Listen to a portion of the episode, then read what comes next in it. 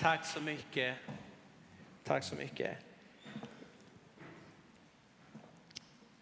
Vilket mäktigt namn det är. Fantastiskt. Um, Jorge Moreno heter jag.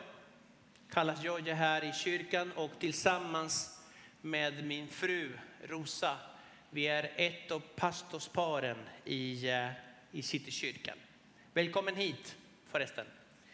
Um, jag pratade förra veckan om att Jesus är en byggare, att Jesus bygger någonting, men att han vill inte göra det ensam.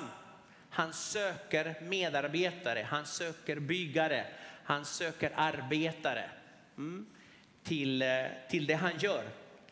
Eh, Rosa pratade veckan innan om att vi är inför en ny säsong, att Gud har en ny tid.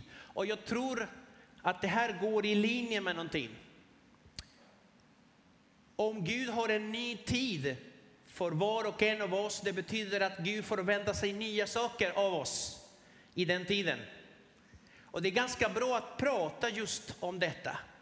Eh, så att vi har en klar identitet över vad som väntar. Vad är som förväntas från himlen av mig. Och förra veckan pratade vi om att vara brobyggare, att vi bygger broar till människor. Mm, att vi bygger broar så att det, det, blir lättare för människor att komma i kontakt med Jesus, men också lättare att komma i kontakt med församlingen. Bygger broar. Jesus är den största bron och han bygger broar och han söker brobyggare. Eh, det finns en, en bibeltext som vi kan titta på och det är Matteus, vi kan börja därifrån. Matteus 16 och 18 och jag vill fokusera framför allt just på det här. På denna klippa ska jag bygga min församling och helvetets portar ska inte få makt över den. Eh, betoningen ligger inte på Petrus utan det ligger på klippan. Och Petrus är inte klippan. Guds församling ska inte vara byggt på en människa utan det ska vara byggt på Guds son, Messias, Kristus, Jesus. Församlingen ska inte vara byggd på en organisation, på en struktur, utan den är byggd på en, på ett namn och det är namnet Jesus. När vi jobbar för det namnet, i det namnet och till hans och äran till det namnet, då kan inte ens helvetets portar stå emot det. Satan i 2000 år har han försökt att bromsa församlingen bränt kyrkor, dödat människor, bränt biblar. Men mina vänner, vi är fortfarande kvar. Och vi är så många som det går inte att räkna, som stjärnorna upp i himlen. Och flera blir det. Amen. Amen. För att det Gud initierar går inte att stoppa. Och församlingen är någonting som Gud har initierat. Han är en byggare, han är en arbetare och han jobbar fortfarande. Det var inte så att han gjorde någonting för 2000 år sedan och tack gode Gud för det, det han gjorde. Utan han bygger fortfarande. Han bygger, och det sa vi förra veckan, han bygger en stad, det nya Jerusalem uppe i himlen, men han bygger någonting också, någonting här på jorden och det heter Guds församling. Tack. Ja, Guds församling. Han gör någonting här. Och vi sa liksom att Gud bygger eh, andliga konstruktioner, andliga byggnationer om vi kallar det så. Och det ena var bro, broar. Idag tänkte jag prata om altare.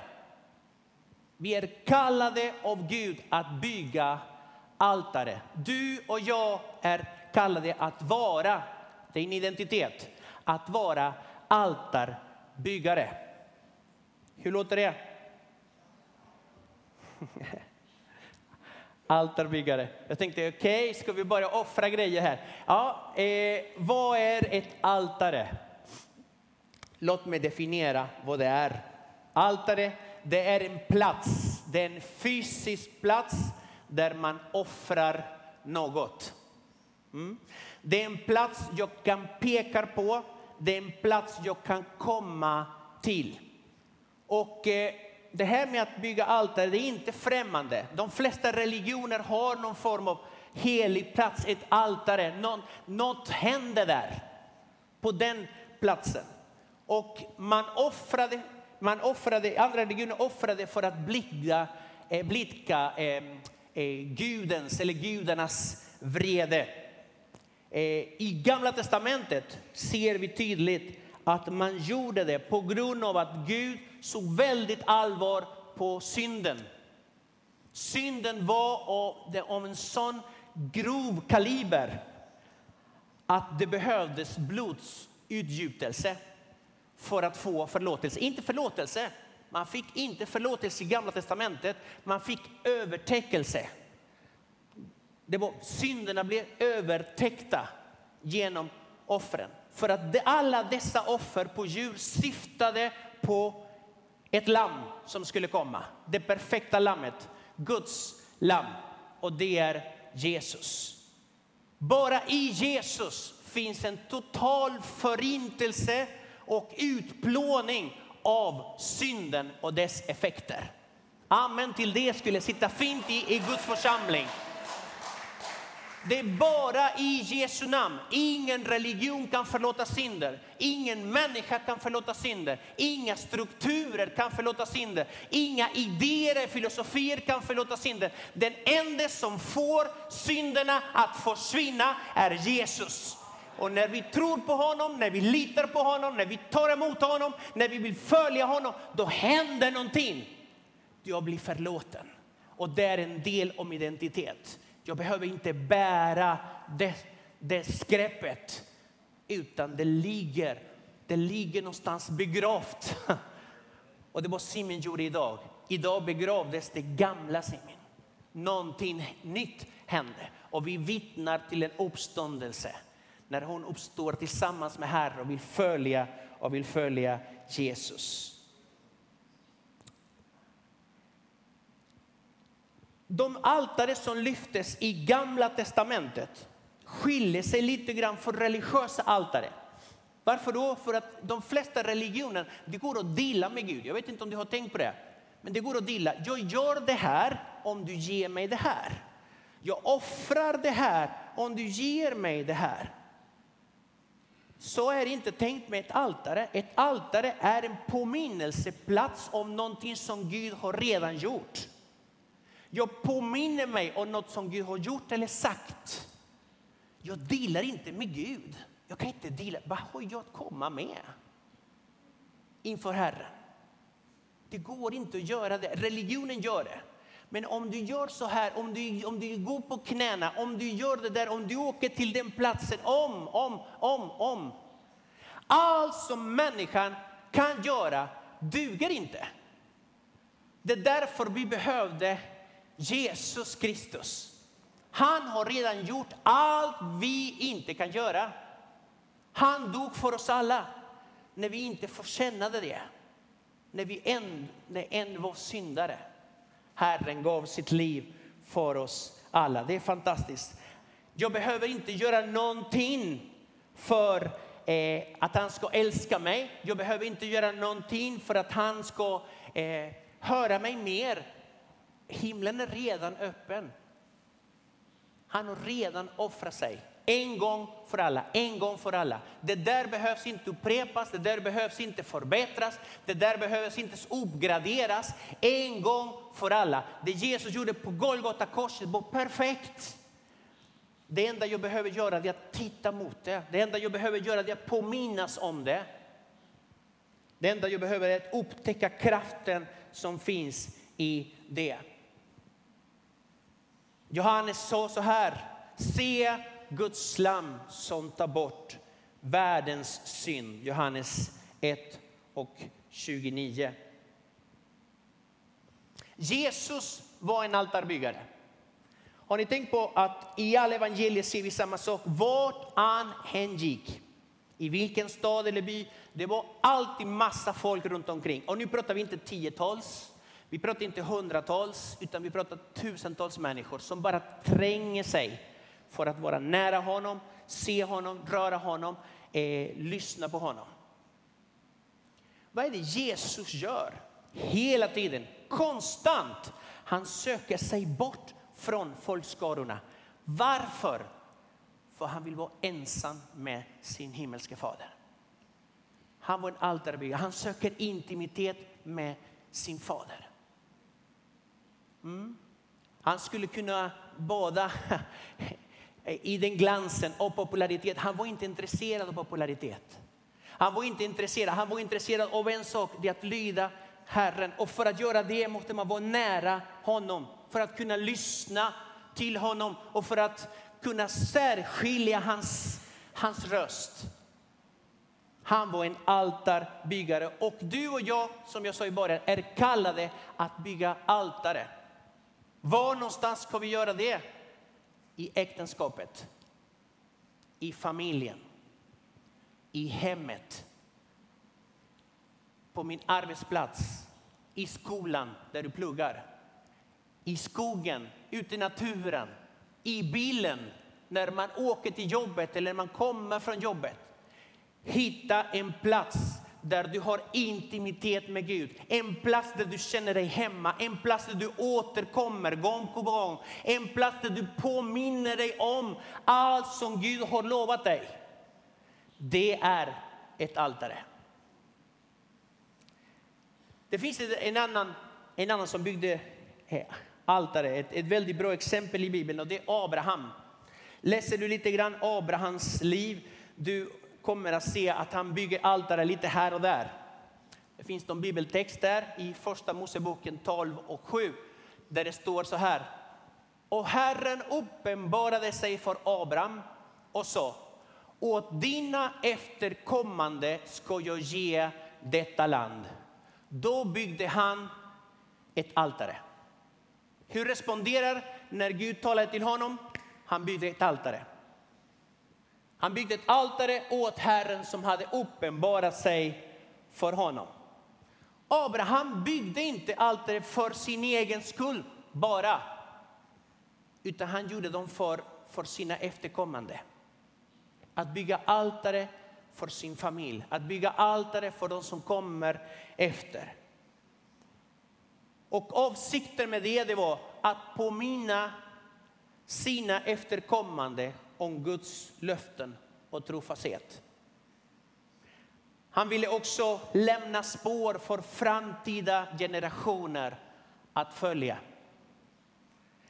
Han ville bygga något fysiskt som representerade och avbildade något andligt. Han ville definiera sin egen identitet som altarbyggare. Han ville markera revir. För om du tittar var någonstans han bygger dessa altare, det är i ett och samma land. Och det gjorde han för att göra anspråk, för att hans efterkommande skulle göra anspråk på dessa löften.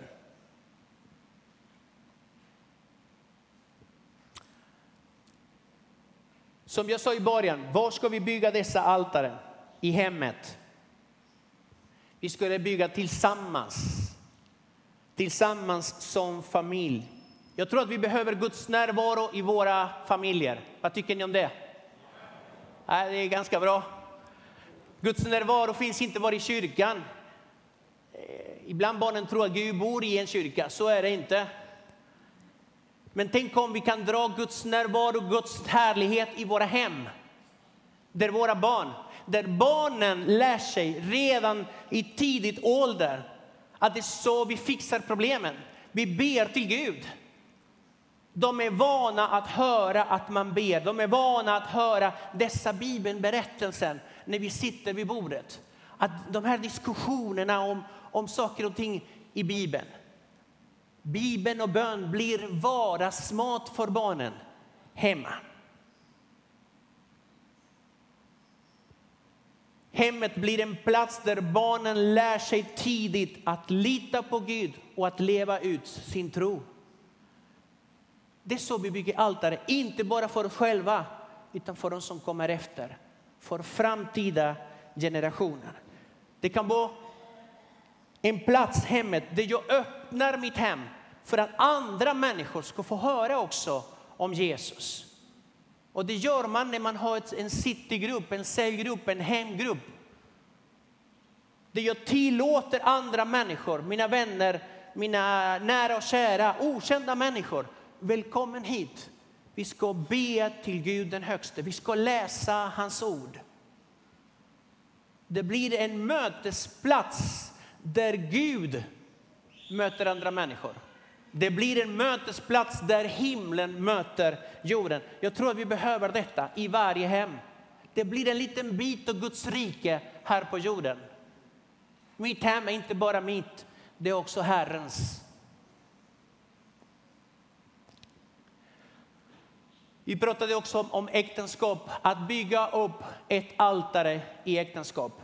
Det finns ett gammalt uttryck som säger de som ber tillsammans förblir tillsammans. Och jag tror att det ligger något i det. Det finns en oerhörd kraft när makan och maken ber tillsammans till Gud. Och det är därför det finns inget som Satan fruktar så mycket som två troende, ett äkta par som ber tillsammans. Han fruktar det när det blir ett radarpar. Eh, jag kan säga så här, jag har upplevt mycket i kyrkan. Jag har upplevt Gud, Gud har berört mig, Gud har talat till mig. Jag har upplevt hans närvaro, hans omfamn. Jag har upplevt detta i kyrkan, men de starkaste mötena, det är inte här.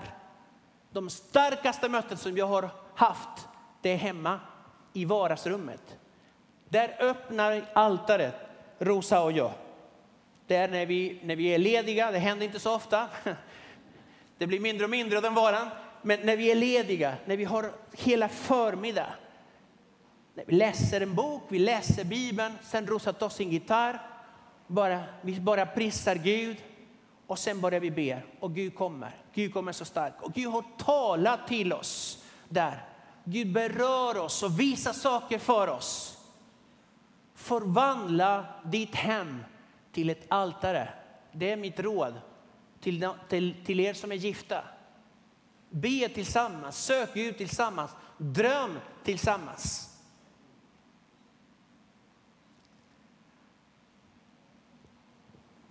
Jag vet inte om jag ska ta det här. Ett övergivet altare. Det låter lite deprimerande men...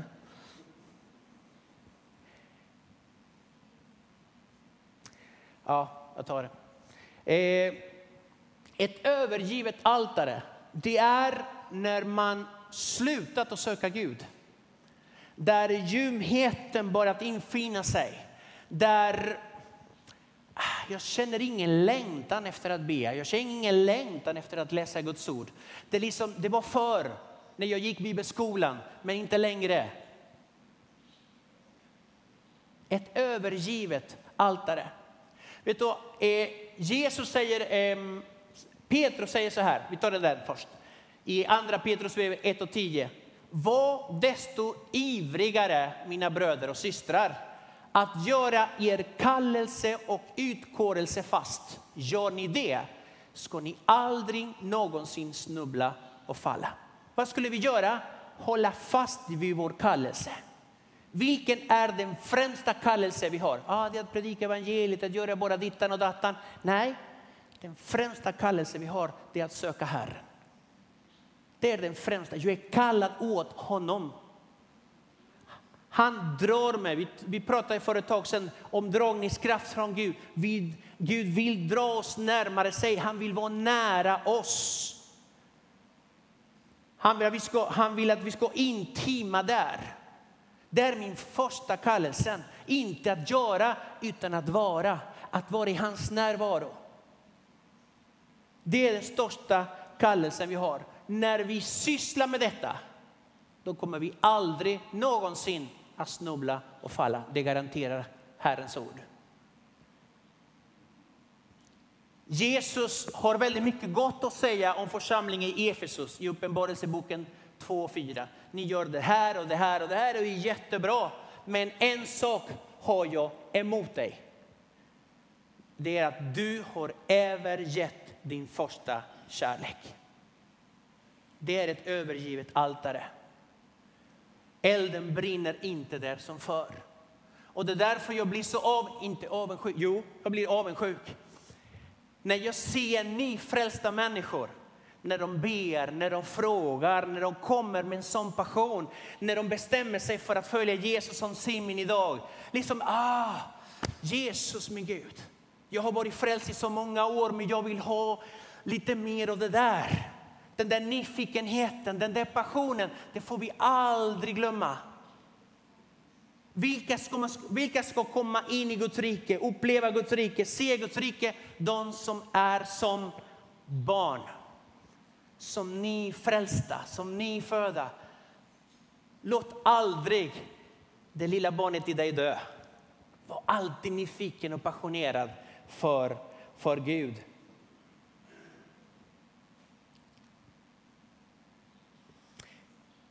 Ett altare, det är en plats som representerar, och nu kommer en lista, jag kommer att ta det snabbt så här.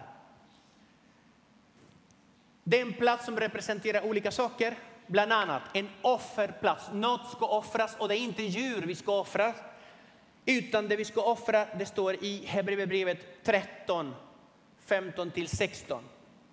Det står så här, låt oss därför genom honom alltid frambära lovets offer till Gud.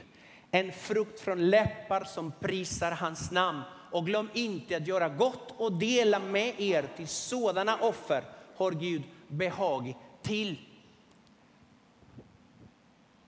Ibland tror vi att det här med att offra var i gamla testamentet, men i nya testamentet ska vi inte offra. Det är fel. Bibeln har alltid sagt att vi ska sluta. Men vi ska offra andra saker. Vi ska offra det du håller kär. Mm. Och du ska prisa Gud, vi ska lovsjunga Gud, vi ska upphöja Gud. Inte bara när allt går väl, för att då är det lätt.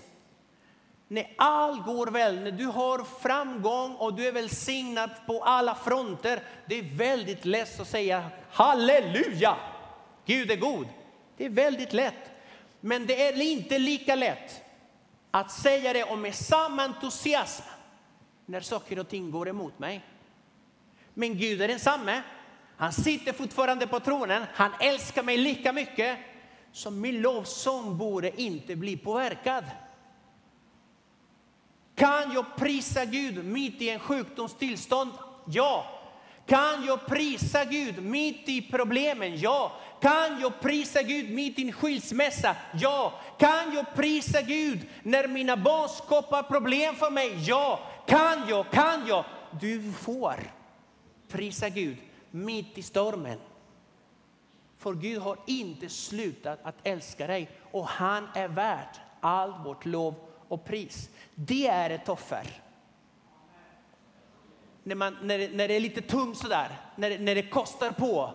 Jag är inte jätteglad, men jag prisar Gud ändå. För han är värt det. Inte på grund av hur jag känner mig.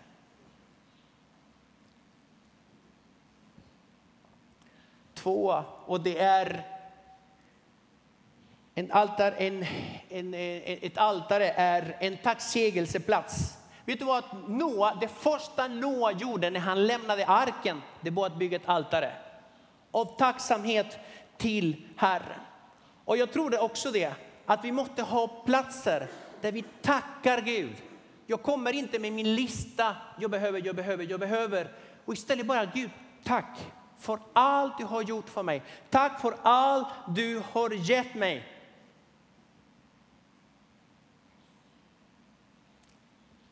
Vi bör bygga altare för att påminna oss om vad Herren har gjort för oss. Nummer tre, ett altare är ett, en mötesplats. Det är en helig plats. Det är inte så att det är heligare än någon annan plats. Gud kan uppenbara sig var som helst. Det är inte det jag menar. Men det blir, den platsen blir helig för Gud kommer dit. Och för att jag söker honom där Eh, ni kommer ihåg att Mose kommer till en brinnande buske och så fort han ska komma närmare då säger Gud ta av dig skorna för att du trampar på helig mark. Platsen blir helig för att Gud var där. Det är Gud som helgar platsen. Och det är därför när jag kommer till en plats där jag har blivit välsignad, där jag vill bli påmind, där jag vill tacka Gud, då blir den platsen helig för Herren är där.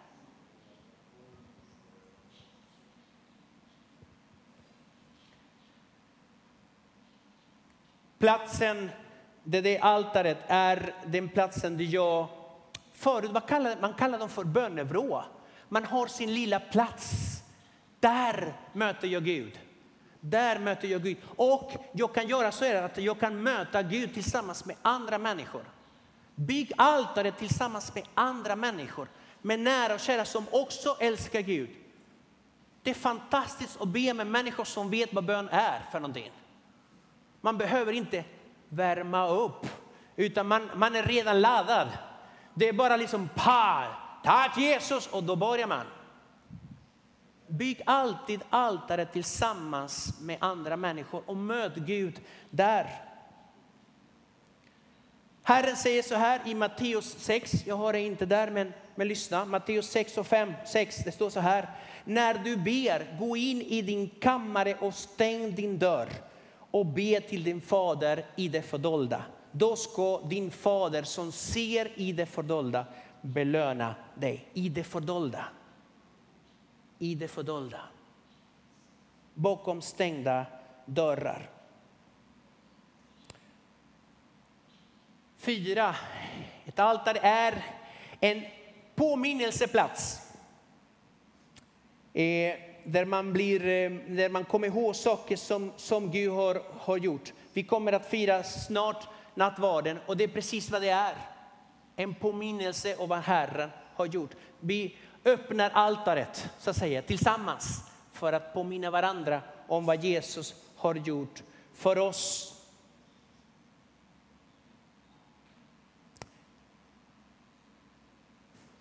Femte, det är ett altare är en uppenbarelseplats.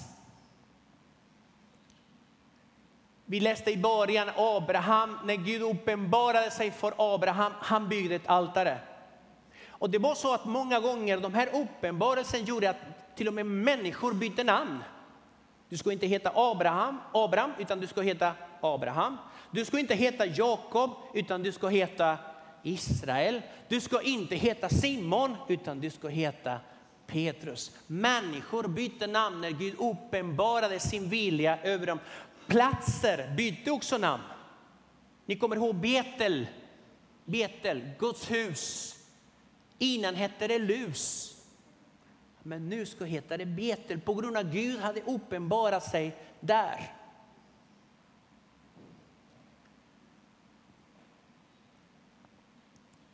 6. en tillflyktsplats. När man är mitt i stormen, när man går igenom en, ett stormigt hav, det är bra att ha en plats där man gömmer sig. En plats där man känner, sig, man känner sin, sin tillflykt. Och jag kommer ihåg när min mamma blev frälst för länge sedan, på 80-talet i Argentina. Min pappa var ateist och han förklarade krig mot hennes tro. Han blev så irriterad när han såg henne be eller läsa Bibeln. Och hon hittade sitt barnebro på toaletten. Det är därför jag säger att det finns inga heliga platser. Platsen blir helig när Herren kommer dit. För att där fick hon vara i frid, i fred. Och hon sökte Gud där. Tänk att hitta en plats där man hittar sin trygghet mitt i stormen. När man känner att saker och ting inte går som de ska. Man söker sin plats, ett altare där jag har intimitet med Gud. där. Jag har en bild. Jag vet inte om det, är en bild. Alltså, det är inget speciellt. Vad är det ni ser där? En liten stig. Och precis, precis i början där, precis längst ner, finns en liten å, väldigt liten, väldigt oansenlig plats. Det här är ett, ett av mina altare när jag tar promenader ute i skogen. Rosa vet, vi har gått igenom den. Varje gång jag passerar i närheten av den där stigen, jag känner, en, jag känner mig nästan, inte tvingad, men jag känner en, en, en vördnad och en respekt att stanna till på den platsen. För att för många år sedan, just på den platsen, en mörk natt, jag lyfte en knuten näve mot Gud och sa Gud, varför? Jag gick igenom det värsta och det värsta i mitt liv. Det var så mörkt så jag kunde inte se bakåt i mitt liv eller framför, framför mig. Och jag, jag förstod inte. Och med knuten näve, Gud jag förstår inte, Gud varför? Och alla dessa varför. Och så gjorde jag under ganska bra tid. Tills Gud började uppenbara sig för mig. Gud bara tala till mig. Gud bara röra vid mig. Och efter ett tag, en knuten näve blev en öppen hand. Tack gode Gud för din trofasthet. Tack min Gud för att du har aldrig glömt mig. Tack min Gud för att när jag inte förstod, du förstod. När jag inte kunde gå, att det var du som bar mig. Tack för din trofasthet min Gud. Det har blivit en tacksägelseplats, det har blivit en påminnelseplats, det har blivit en vördnadsplats. Det har blivit en plats som jag har väldigt, väldigt mycket respekt för. För jag påminns gång på gång, jag bara kommer i närheten av det. Hitta sådana platser. Platser där Gud har förvandlat dig, platser där Gud har talat till dig. Det jag sa till Simin i morse, att när man går igenom svåra tider, att man kommer tillbaka till dopgraven. Den platsen blir ett altare. Det var den dagen, min Gud, jag gav mitt liv till dig. Jag vet inte var du blev döpt. Jag vet inte om du är döpt. Apropå det, om du inte gör det, vi kan göra det nästa vecka. Men att inte glömma det. Inte glömma de platser där Gud märkte mig och bli påmind om detta. Sista plats, sista det är en födelseplats. Att inte glömma var man föddes. Är man född i Sverige då är man svensk, är man född i Argentina då är man argentinare, är man född i Kristus då är man kristen.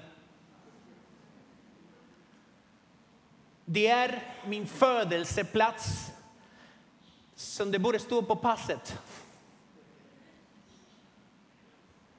Om någon är i Kristus då är han, hon, en ny skapelse. Det gamla är förbi, det nya har kommit. Dopgraven är platsen där det gamla liv begravdes. Det var där man fattade ett beslut och det är jag har beslutat att följa Jesus och aldrig mer tillbaka gå. Glöm aldrig det löftet. Ja, jag tror jag slutar där. Ett altare. Bygg altare. Låt det bli din identitet. Ha en medvetenhet att det inte bara är en liten bön jag ber. Det är inte bara en liten bön jag ber med andra. Vi bygger ett altare. Varje gång du kommer till kyrkan tillsammans vi bygger ett altare. Vi frambär lovets offer till Herren. Strunt samma hur jag mår, hur dagen var idag, hur veckan har varit. Men idag fokuserar jag på honom. Ett altare handlar inte om våra känslor, det handlar om till vem vi offrar. Och det är till Herren.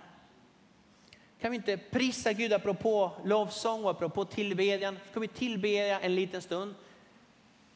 En sång och under tiden de som tar hand om eh, nattvarden kan göra sig redo. Församlingen kan stå upp.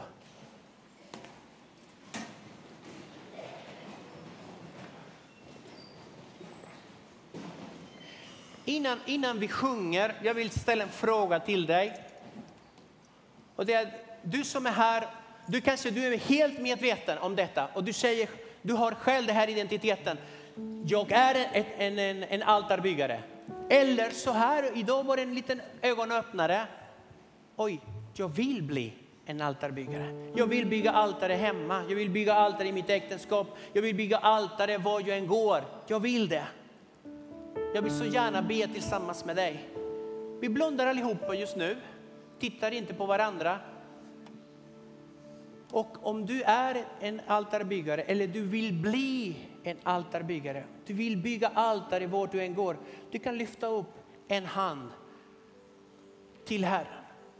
Jag vill be tillsammans, tillsammans med dig. Vi ber en liten en minut och sen går vi går till eh, till lovsången och tillbedjan. Herre Jesus, du ser var och en som lyfter sina händer. Som ett tecken, som ett vittnesbörd, min Gud, om en längtan. En längtan över att vara en altarbyggare. Herre Jesus, hjälp var och en av oss att bygga altare var vi än går. I vilka situationer var vi, eh, vi, vi än hamnar, min Gud, att vi bygger altare där vår fokus är eh, du själv, Herre. Vi fokuserar på dig, inte på problemen eller våra känslor, inte på omständigheterna, utan vi förlitar oss helt och hållet på namnet Jesus. Hjälp oss att våra hem ska bli en bit av ditt rike, min Gud. Hjälp oss att i våra äktenskap, Herre min Gud, att ditt namn prisas och upphöjs varje dag, min Gud. Tack Jesus. Tack Jesus för att du är en altarbyggare och du vill göra oss till altarbyggare. Och vi lämnar allt i dina underbara händer. I Jesu namn. Amen.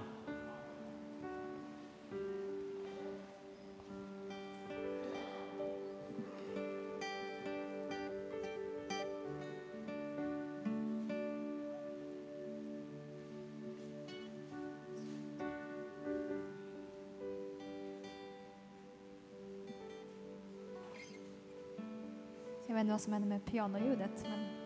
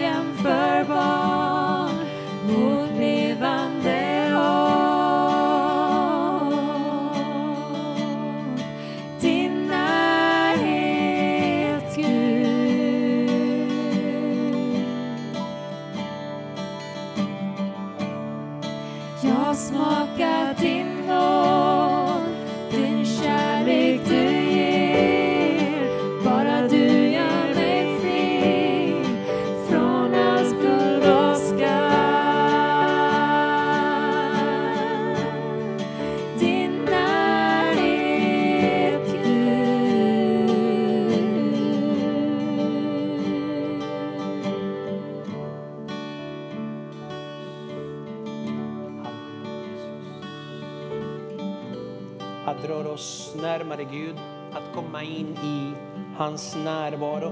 Hans närvaro är på ett speciellt sätt när vi öppnar det här som är ett, ett altare. Nattvarden är ett altare, en påminnelseplats, en offerplats, en tacksägelseplats. Och Paulus skriver så här, det här är en uppenbarelse som han har fått. Jag har själv tagit emot från Herren. Han var inte den natten där, men han har tagit emot någonting från Gud. Jag har själv tagit emot från Herren vad jag meddelade er. Den natt då Herren Jesus blev förrådd tog han ett bröd. tackade Gud, bröt det och sa, detta är min kropp som är utgiven för er. Gör detta till minne om mig. Och på samma sätt tog han bägaren efter måltiden och sa, denna bägare är det nya förbundet i mitt blod, så ofta ni dricker av den, gör det till minne om mig. Till så ofta ni äter detta bröd och dricker av denna bägare förkunnar ni Herrens död till dess han kommer. Den natten, sista natten med sina lärjungar, han tog ett bröd, bröt det och sa det, detta är min kropp som är utgiven för er. Låt oss be för brödet och vinet. Herre Jesus, vi tackar dig för de här symbolerna. Tack min Gud för, för det du gjorde för oss. Tack för att du, du utgav dig själv. Du gav din, din kropp som hängdes på ett kors för våran skull. Ditt blod blev utgjuten för våra synders skull. Tack Jesus för att i dig, i det du gjorde för oss, finns det syndernas förlåtelse, gemenskap med dig och ett, ett evigt liv att få. Tack min Herre. Tack min Gud för att vi påminner varandra om det perfekta offret, om Guds lam som gav sitt liv för vår skull. I Jesu underbara namn. Amen. Amen. Nu öppnar vi eh, altaret. Vi kan ta. Eh, och vi gör så här att de som är eh, förbundsledare får komma först. Och jag tror vi kommer behöva hjälp av flera förbundsledare. Så ni får komma fram, ta först. Och vi ska bilda två stationer på båda sidor. Och ni är välkomna här, här i mitten och sen går ni tillbaka på sidorna till era eh, respektive plats. Under tiden som du har tagit eh, brödet och vinet, om du känner att jag har ett behov och jag vill så gärna att någon ber för mig, du är välkommen till förebedjarnas stationer på båda mina sidor. Vi fick ett kunskap, eh, kunskapens ord i morse här och det var att någon som har kraschlandat själslig, någon som har kraschlandat. Om du upplever att hela ditt liv har kraschat, det finns hopp i Jesu namn. Så välkommen fram, vi vill så gärna be för dig. Om du har eh, problem i ditt äktenskap, problem med hälsan, välkommen fram. Vi vill be för er. Mm. Välkommen.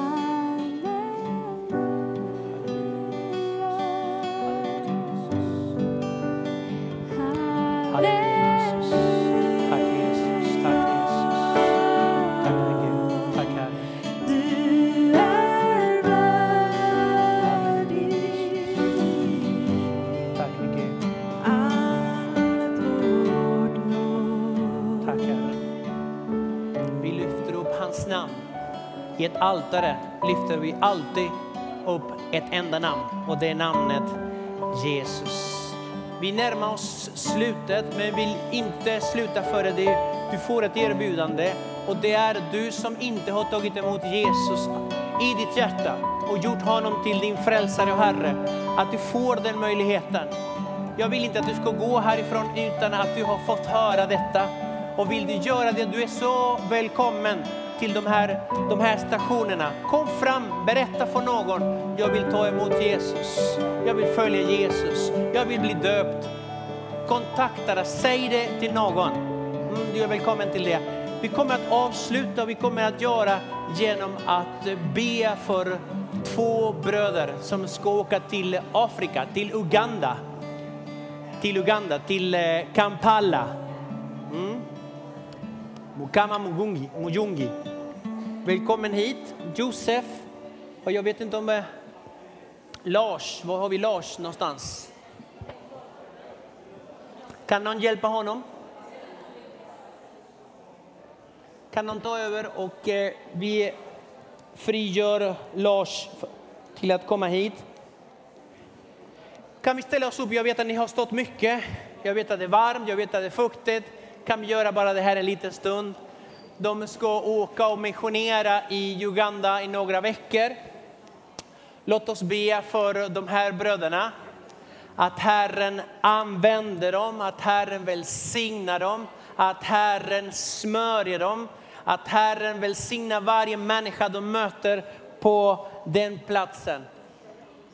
Vill du hjälpa oss att be för, för de här församlingsledare som är lediga, som inte är i förbön, får gärna komma och lägga era händer på dem.